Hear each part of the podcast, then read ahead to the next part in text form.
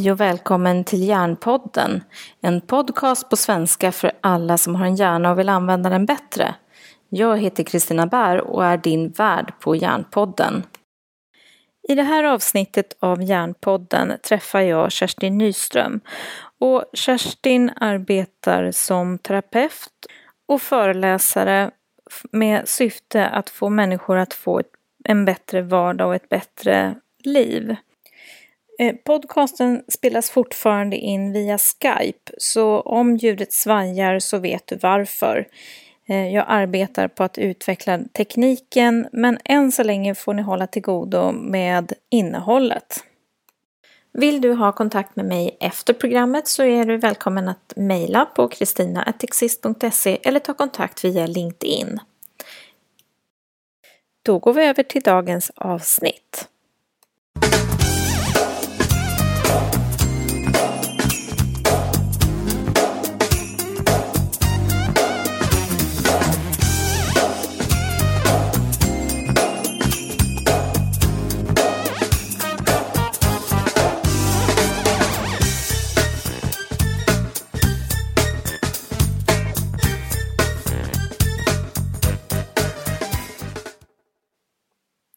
Hej och välkommen till Järnpodden. Idag ska ni få träffa en mycket god vän och kollega till mig som heter Kerstin Nyström. Och Kerstin och jag har träffats vid flera tillfällen på årliga konferenser och just i år hörde jag Kerstin prata om någonting så spännande som det inre barnet och det måste jag bara bidra med till alla mina lyssnare att få höra. Välkommen Kerstin! Tack så mycket Kristina. Innan vi börjar, berätta, vem är du? Ja, vem är jag? Det är en stor fråga men jag jobbar som samtalsterapeut på mitt företag som heter Balsam Konsult mm. som ligger i Stockholm. Och det har jag gjort nu i ganska många år. Jag är beteendevetare från början och eh, nu jobbar jag som terapeut. Berätta lite om vad, vad är det inre barnet för någonting? Det inre barnet är så otroligt tacksamt att jobba med när man jobbar i terapi. Alltså det är så här, vi, vi alla människor bär på inre barn, ett eller flera stycken. Och det, det, vi menar med det inre barnet det är att alltså när vi växer upp, när vi är små, under barndomen, under skoltiden, under uppväxten, ungdomen, så råkar vi ut för olika saker. Och en del av de sakerna är ju jobbiga. De kan vara väldigt smärtsamma och obehagliga och vi kanske blir rädda eller och det som händer då är att om vi inte får det vi behöver då när det händer då kapslas de här känslorna in. De försvinner inte men vi kapslar in dem för vi måste liksom skydda dem, vi bär dem med oss. Och de, det, det kallar vi sen att det blir som ett inre litet barn. Mm.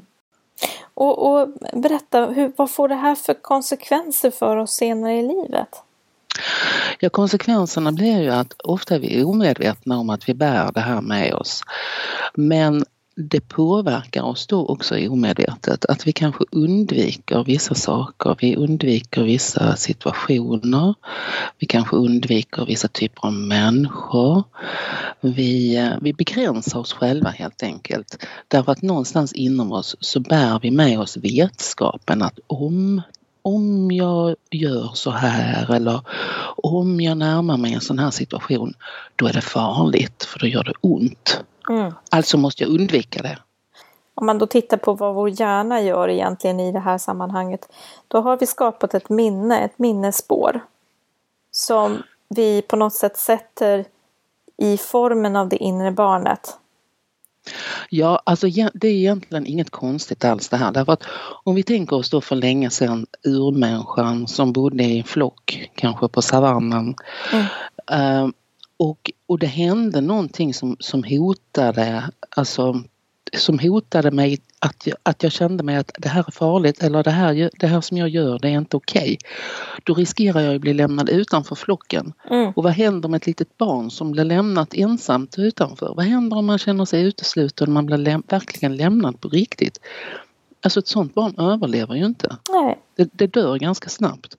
Och därför kan det här det kan vara förenat med en riktig eh, alltså, dödsångest. Det är inte så att vi medvetet går omkring och tänker oj oj nu har jag dödsångest, det här känns farligt utan det påverkar omedvetet hela tiden. Mm.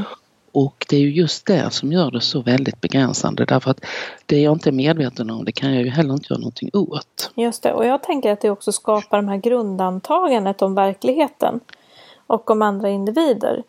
Om vi har en sån här erfarenhet med oss som vi inte vet om så kommer ja. det skapa ett grundantagande om alla människor vi möter. Att man är opolitlig eller att det riskerar att göra ont eller när det inte är värt det. Eller Precis. vad det nu Exakt. kan handla om. Det kan handla om sånt som att det, det går inte att lita på andra människor. Det gör det inte. Därför måste jag, därför måste jag klara mig själv. Eller äh, eftersom alltså, om ingen annan har någon koll, då måste jag ju själv ha koll på allting såklart. Just och så det. blir jag ju en riktig kontrollmänniska. Och det där tycker jag är så otroligt spännande för de här livsmönstren som man på något sätt skapar. Under en period i ens liv så kan det ju vara en, en extrem styrka att Aha. ha skapat det här. Men när vi överanvänder en sån här styrka så blir det ju inte längre en styrka utan någonting som, som du säger, begränsar.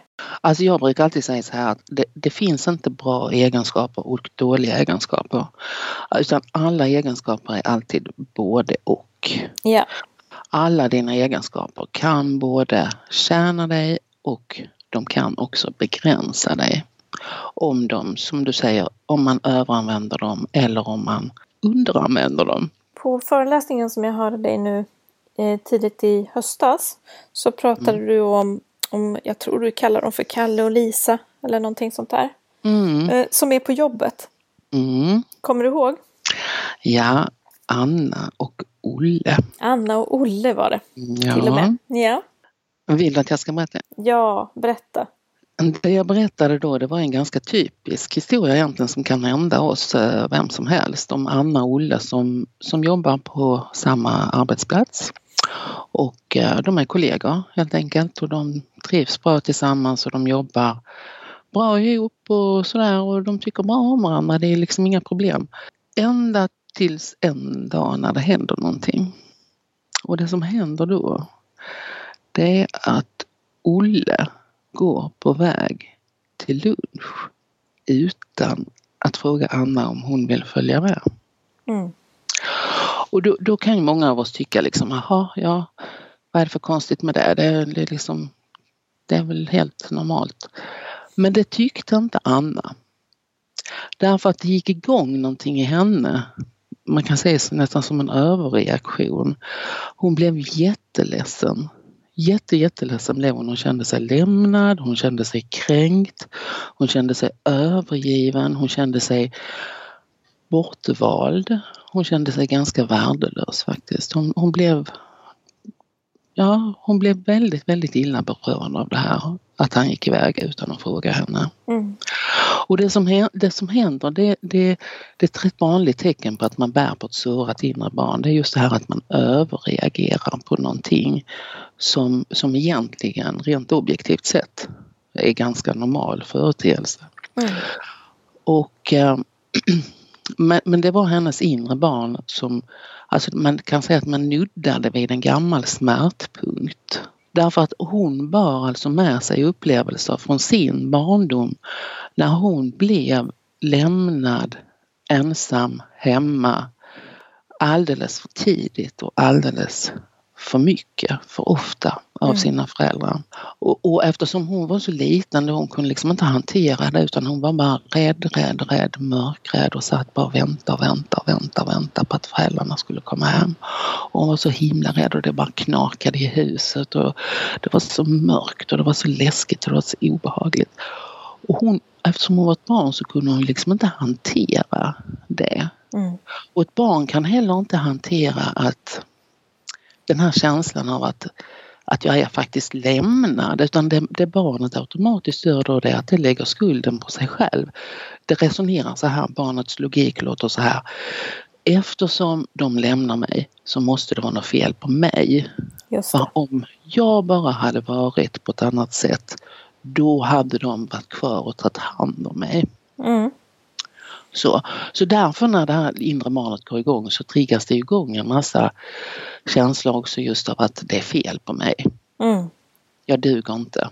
Jag är inte värd att vara med, jag är inte värd att ta som hand, jag är inte värd att bli bra behandlad. Mm.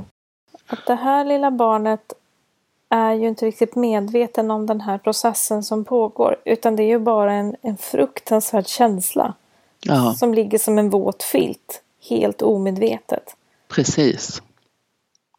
Och det är också så att alltså i verkligheten så är ju barn alltid i underläge. Alltså barn kan ju inte göra någonting åt en sån här situation därför att det är ju de vuxna som har makten. Och det Anna gjorde det var ju att hon visade att hon var ledsen och hon grät och, och bad att de skulle stanna hemma. Så där. Men de bara så till henne att nej, nej men sluta tramsa nu, du är tillräckligt stor för att vara ensam hemma. Och så åkte de ändå. Och, och det var ju, alltså vad skulle barnet göra?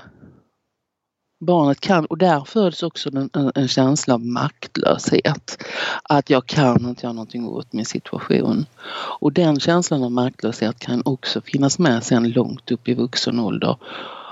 Och, och hindra oss från att faktiskt ta kommandot över våra liv eftersom nu är vi ju vuxna så att nu, nu kan vi ju faktiskt bestämma själva. Mm. Just det, och vi har ganska mycket eh, egentligen förmåga när man är vuxen. Men den här våta filten ligger kvar så vi tar oss inte ut ifrån den här spela död-läget.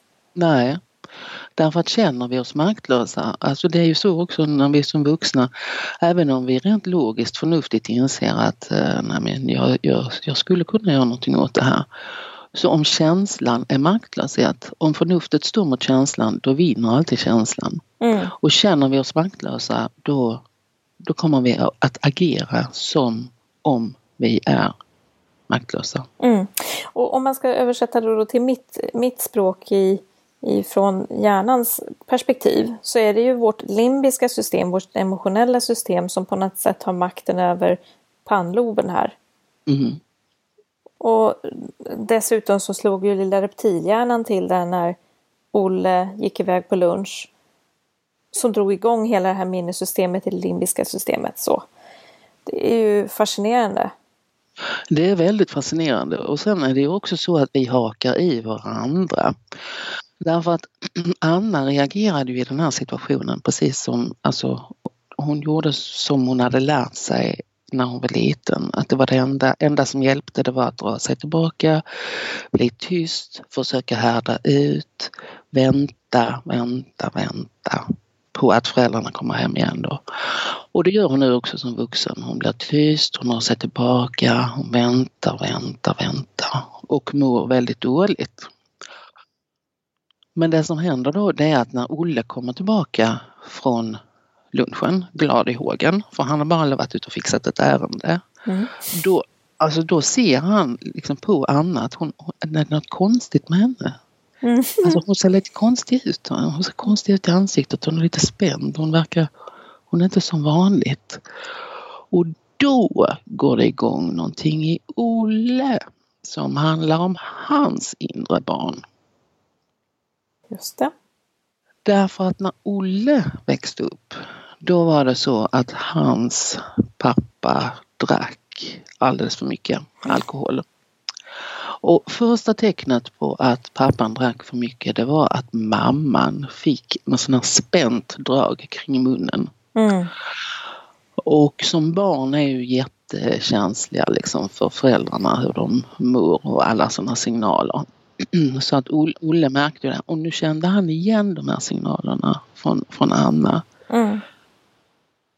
Och, och det Olle lärde sig som liten det var att alltså, han var ju bara ett barn. Han kunde inte göra någonting åt det här. Så pappan drack mer och mer. Han blev fullare och fullare. Bråken började starta. Föräldrarna skrek på varandra och vad ska ett barn göra? Jo, ett barn drar sig undan, gömmer sig, håller för öronen och bara hoppas, hoppas, hoppas, hoppas att det ska gå över. Mm. Så när Olle nu kommer tillbaka från lunchen och ser den här spända, lite konstiga draget hos Anna. Va? Så direkt så går det igång. Lilla Olle. här är något konstigt på gång, här är något konstigt, det kommer att hända en katastrof snart. Jag måste dra mig undan, jag, må, jag får inte se, inte höra, jag drar mig undan och väntar. Och så drar han sig undan, sätter sig på sitt rum, sätter sig bakom datorn, pratar inte med Anna, tittar inte på henne um, överhuvudtaget. Utan han mår bara jättedåligt och känner att här är något obehagligt som kommer som är i luften. Och så sitter de där liksom på varsina ställen. Och mår Lika, dåligt. Ja, och mår dåligt båda två.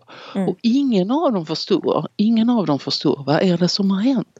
Ingen av dem förstår varför de mår dåligt. Ingen av dem förstår vad det är som har hänt emellan dem. Ingen av dem förstår att det handlar om deras egna respektive gamla upplevelser som de bär med sig som mm. ett mönster i sina inre barn. Det här är ju ganska vanligt faktiskt på arbetsplatser att vi misstolkar varandra på de här antagandenas nivå. Mm. Det är jätte, jättevanligt. Mm. Ett tecken är just att man överreagerar. Ett annat tecken det kan vara att man underreagerar. Att man reagerar inte på sånt som man egentligen kanske faktiskt borde blivit lite arg på. Om man verkligen blir dåligt behandlad. Mm. Till exempel av en chef eller ja, överhuvudtaget. Därför att som ett litet barn så har man lärt sig att nej men det är, jag är inte värd bättre liksom. Mm. Och också mm. tänker jag den här eh, sunda utvecklingen att man ska ha en integritet och stå upp för sig själv. Det kräver ju någonstans att man blir lyssnad på. Att det ska vara värt besväret att bli lyssnad på. Absolut. Och har man en erfarenhet av att vad jag än gör, vad jag än uttrycker så är det i alla fall ingen som svarar an och lyssnar på mig i det här. Då är det ju inte heller någon mening med att ha integritet. Nej, och det, det är ju också så att alltså alla barn, vi alla har ju varit med om eh, liksom jobbiga saker under uppväxten ja. och det måste inte bli ett trauma därför att om man får det man behöver, till exempel precis det här du säger, att man blir lyssnad på. Mm. Om jag när jag är ett litet barn och upplever någon sån här obehag, om det är någon som ser mig, som lyssnar på mig, som hjälper mig att sätta ord på det jag känner, att jag ser att du är ledsen, jag ser liksom du, jag ser att du känner dig rädd eller att, att man blir bemött, att man får kanske att man blir omhållen, man blir tagen på allvar. När man lilla du, inte ska du ha det så här. Du ska väl inte sitta här hemma ensam och bli rädd. Det är väl klart att vi ska göra någonting åt det här. Här går jag in som en trygg vuxen och sen så ordnar vi. För så här ska inte du behöva ha det. Alltså, då, då läker man ut och då blir det inget så. Och det här tycker jag är så fint att du säger för att jag kan ibland när jag arbetar i skolan så kan de vuxna i skolan känna sig väldigt maktlösa i förhållande till barns situation. För en del barn har det ju så här faktiskt idag också i Sverige. Mm. Eh, att de känner sig övergivna, att de kanske blir övergivna eh, för att föräldrarna har svårt att vara förälder av något skäl. Eh, men det intressanta är att de vuxna runt omkring kan faktiskt vara just den här lyssnande personen som bekräftar och ser att det är svårt. Mm. Och det kan vilken vuxen som helst göra. Det är jobbet. Vilken ansvarstagande vuxen som helst kan göra det. För att det, det, alltså det är som du säger, det är att se, mm. att lyssna, att ta på allvar, bekräfta, ja. spegla. Det, det behöver inte vara svårare än så. Att vara närvarande, att se, men jag ser att du är ledsen, hur är det? Liksom. Bara att, att bekräfta att det är inte rimligt. Att det är inte rimligt och det är inte fel på dig. Det är inte ditt fel om din pappa dricker. Nej. För, för, och just lyfta den här skulden därför att barn är specialister på att ta skulden på sig själva. Mm. För vad har de för val? För vad har de för val? Därför att om, de, alltså om, det, om det liksom skulle sjunka in i barnet att de här vuxna de prioriterar faktiskt alkoholen framför dig. Ja. De här vuxna de är beredda faktiskt att lämna dig för att de dricker hellre alkohol. Då skulle det ju innebära att barnet faktiskt är övergivet. Och, och i dödsfara då så att säga. Och det kan inte ett barn ta in. Det går inte. Det, det finns en skyddsmekanism. Och jag tycker det är också så fascinerande med vår mänskliga hjärna för att den har ju kapaciteter eh, att föreställa sig framtid och skapa lösningar och planera och prioritera och sådär. Men det här är ju baksidan av att ha en tänkande hjärna. Mm. Kan man säga. Ja, alltså, tänker jag tänker baksidan att vi också kan alltså, nästan måste göra den här typen av tolkningar av en situation när vi är barn. vi måste få det begripligt. Ja, exakt. Precis. Det går inte liksom att bara ignorera att man blir övergiven eller ignorera att, att man är i fara. Utan den här tänkande hjärnan gör på det här sättet. Mm. Det, är, det är en överlevnadsmekanism kan man ja, säga. Precis. Och därför tycker jag att det är så roligt att ha det här samtalet. För det infattar ju också att det inte behöver betyda att det är kört för att man hade det tufft när man var liten. Nej, det är det verkligen inte. Därför att om man nu säger att man fortsätter ha den här så att säga överlevnadsmekanismen med sig långt upp i vuxen ålder därför att man är omedveten om den och man har lärt sig som barn att man måste använda den här. Till exempel att jag måste, är det någonting som känns obehagligt så måste jag dra mig undan och vänta tills det går över. Om vi säger att det är det som är min överlevnadsgrej som barn, det är det som går igång i mitt inre barn. Om jag då som vuxen kan bli medveten om att jag bär på det här och jag bär på det här obehaget. Till, det kan handla om konflikter, det kan handla om att man känner sig anklagad, det kan handla om att göra fel. Alltså att, eh, att jag känner ett fruktansvärt obehag så jag gör allt för att undvika det. Men som vuxen kan jag då göra ett annat val. Och jag kan hantera det på ett annat sätt, på ett vuxet sätt. Jag kan stå upp för mig själv på ett, på ett helt annat sätt än vad barn har möjlighet till. Mm. Jag kan faktiskt säga men det är inte okej. Okay. Varför ska jag dra mig undan i den här situationen? Jag kan stå kvar och, och, och stå upp för mig själv och till exempel fråga Hallå, vad handlar det här om egentligen? Precis. Alltså, ja, hur tänker du? Det, för mig ser det ut som att du, du ser lite irriterad ut. Vill du berätta vad är det som händer i dig? Kan man säga till sin kollega. Mm. Och då kanske kollegan berättar att den hade en jättejobbig morgon och ja. bråkade hemma. Mm. ja, och sen fick den parkeringsböter. Och det handlade inte alls om mig. Det var aldrig något hot mot mig. Och då har jag gått och varit rädd helt i onödan. Och jag har dragit mig undan helt i onödan. Och det här är ju, tycker jag, kärnan i varför man ska söka upp någon att lyfta den här frågan med. När man ser att man har orimliga eh, förväntningar på sig själv att reda ut det här själv. Mm. Ja, därför att det, det, det är jätte, jättesvårt att reda ut själv därför att när man går in i den här känslan då blir känslan lika stark som, som den var när jag var ett litet barn. Och eftersom jag inte kunde reda ut det själv när jag var ett litet barn just därför att jag var ett litet barn och så blir känslan lika stark när jag är vuxen då, då kan jag liksom inte hela den känslan i mig själv som vuxen själv. Utan där behöver jag en utomstående trygg samtalskontakt som kan stå kvar och hjälpa mig att se det här och för att jag sen ska kunna lära om.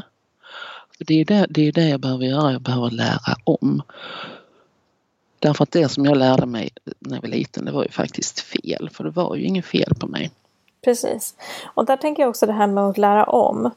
Då kommer vi in på nästa sak som jag tycker är så underbar med vår fantastiska hjärna. Det är vår plasticitet.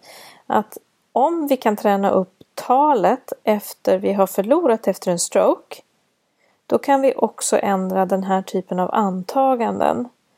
Men vi behöver träna på det.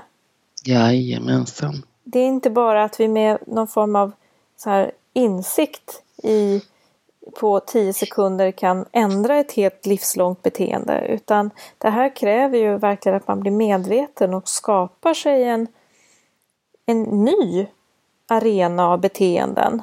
Mm.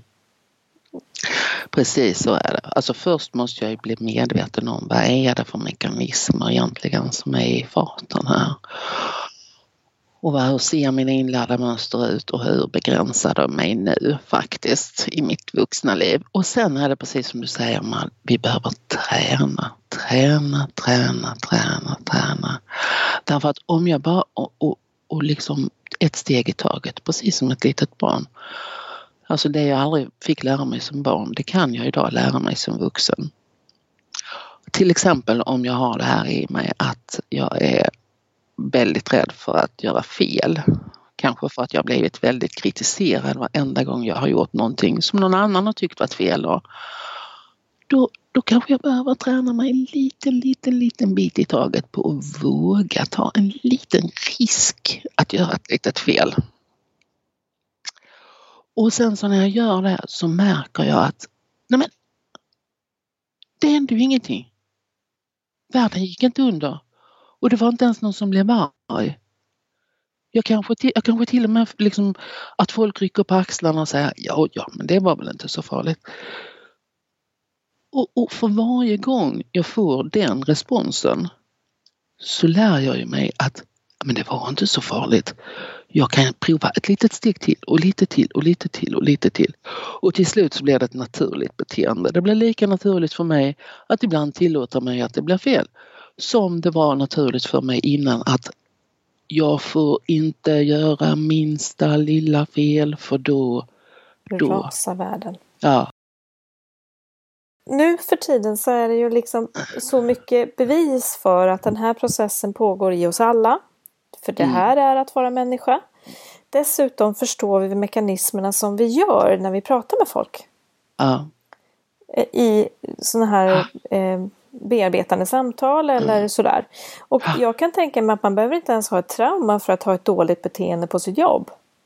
Nej, nej, nej. Eh, utan det kan vara ett familjemönster som man hade hemma, att man, man, liksom, man ironiserar lite över varandra eller sådär. Så man fortsätter att göra det för det är normalt för mig. Absolut. Och, Visst, det, ja. Eller hur? Det är normalt mm. för så har vi alltid gjort hemma ja, hos mig. Liksom. Det är inte så vi farligt, vi gillar varandra ändå. Mm, liksom. Ja, precis, här är vi lite ironiska. Har vi lärt oss i vår familj. Precis. Och, Eller gör oss skoj, skojiga på andras bekostnad. Precis. Och någonstans så tänker jag att om man, om man då kan bli medveten om hur det faktiskt kan påverka andra som inte är vana med ironi. Mm. Mm. Eh, då kan man ju också tona ner den sidan eh, på sin arbetsplats i alla fall. Sen vad ja. man gör hemma må väl vara hänt för där har man ju en annan kärlek som grundar. Eh, liksom, om, om man nu tycker att det är ett trevligt sätt att umgås på. Eh, det står ju var och en att välja. Men jag tänker att då kan man ju på något sätt också se att det här rör ju faktiskt alla därför att vi är människor allihop. Precis, och det är så genuint urmänskligt behov att vi behöver bli sedda, hörda, tagna på allvar Mm. bekräftade mm. ja. att vi är okej. Okay. Och även om jag kanske inte tycker att det du säger är okej okay eller gör så, så tycker jag att själva du är okej okay som människa. Precis. Ja, och det, det, jag menar, det är så himla basic. Mm. Och um, ja, det var ju det vi hade behövt lärt oss då när vi var barn. Precis, och jag tänker att man också bara, bara får den accept att alla är inte uppväxta, nu kommer en av mina bästa vänners favorituttryck, uppväxta på en räkmacka. Nej. Alltså som en bild för att, att ha det sådär supertoppen hela vägen. Eh, aldrig haft några bekymmer, aldrig haft några förluster, aldrig haft några belastningar i sin familj. Så. Nej, och det kan ju faktiskt också vara så att om man säger som så att man är uppväxt på en så kallad räkmacka så kan mm. det ha med sig sina ja. mönster. Mm. Kanske mönstret av att ja, men andra finns ju bara till för mig. Japp. Såklart. Ja. Ja. Och, och jag behöver aldrig ta någon motgång för det är någon annan som tar hand om det åt mig. Mm. Eller tänker jag att man är lite oskyddad för verkligheten. Ja, så kan det också vara. Att när man väl får belastningen sen i vuxen ålder, för någon gång kommer det ju, då är man lite orustad eller man ska säga. Man har inte riktigt någon, någon erfarenhet av svårighet. Precis, och det är det som är det viktiga om igen att alltså barn, barn kan vara med om ganska svåra upplevelser, faktiskt svåra trauman. Men om där är vuxna som tar hand om det på en gång, som möter barnet där och då, så behöver det inte bli något sår utan tvärtom, det som barnet lär sig då det är att okej, okay, hemska saker kan hända och jag klarar av det. Mm. Och det är ju en otrolig styrka att ha med sig ja. i, som vuxen sen. Mm, verkligen. Och jag tycker verkligen att det här är någonstans det som gör att jag befinner mig i den här världen mellan att vara människa, ha en hjärna och hålla på med samtal. Mm. Eh, det är någonstans det här som gör kärnan att vilja vara i den miljön. Därför att vi är mm. både och. Vi är både ja. biologi och vi är både psykologi. Ja. Och det, det kostar på att ha ett psyke som kan föreställa sig framtid och, och älta sin historia. Så är det. Mm. Vi är, vi, är liksom, vi är kropp och själ och tankar och känslor och vi består av så många delar. Mm. Men det är spännande här med hjärnan och den nya hjärnforskningen därför att det, det hjälper också oss att förstå mer och att det, det sätter också en annan lite tyngd ibland. Ja. Att det är så kallat evidensbaserat. Det är inte bara sån psykologiskt flum. Precis. Eh, nej. Mm. Och det är, ju, det är ju väldigt, väldigt spännande när man nu lägger det här pusslet och vi är ju inte Alltså vi har ju fått bara en liten bråkdel av hur, hur hjärnans funktion är. Och sen kan vi mm. spekulera utifrån det och dra slutsatser. Men det spännande är ju att det aldrig är för sent därför att vi är eh, formbara även långt upp i vux, vuxen ålder. Ja. Eller egentligen hela livet skulle jag vilja säga. Hela livet är vi formbara och ibland händer det ju att det är ganska man säger, människor, mm, äldre människor kommer till mig för terapi. Mm. Och, och, um, det är klart att många av dem säger varför gjorde jag inte det här för länge, länge sedan. Mm. Men det, dels blir det aldrig för sent för min egen del. Nej. Och sen är det också så att sen för jag ju över det på mina barn. Precis. Och deras barn. Mm.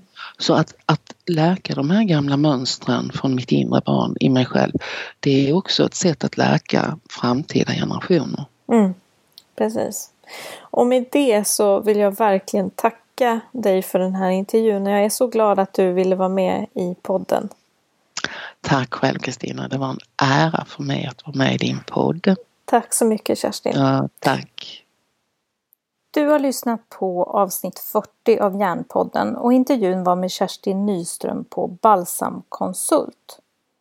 Och som vanligt så hittar du alla de här länkarna på poddens eh, programsida och på exist.se under poddens sida. Vill du ha nyhetsbrev ifrån exist.se så går du in på hemsidan och anmäler dig för nyhetsbrev där. Och som vanligt, vill du ha direktkontakt med mig så skickar du ett mejl till kristina.exist.se. På återhörande i Järnpodden.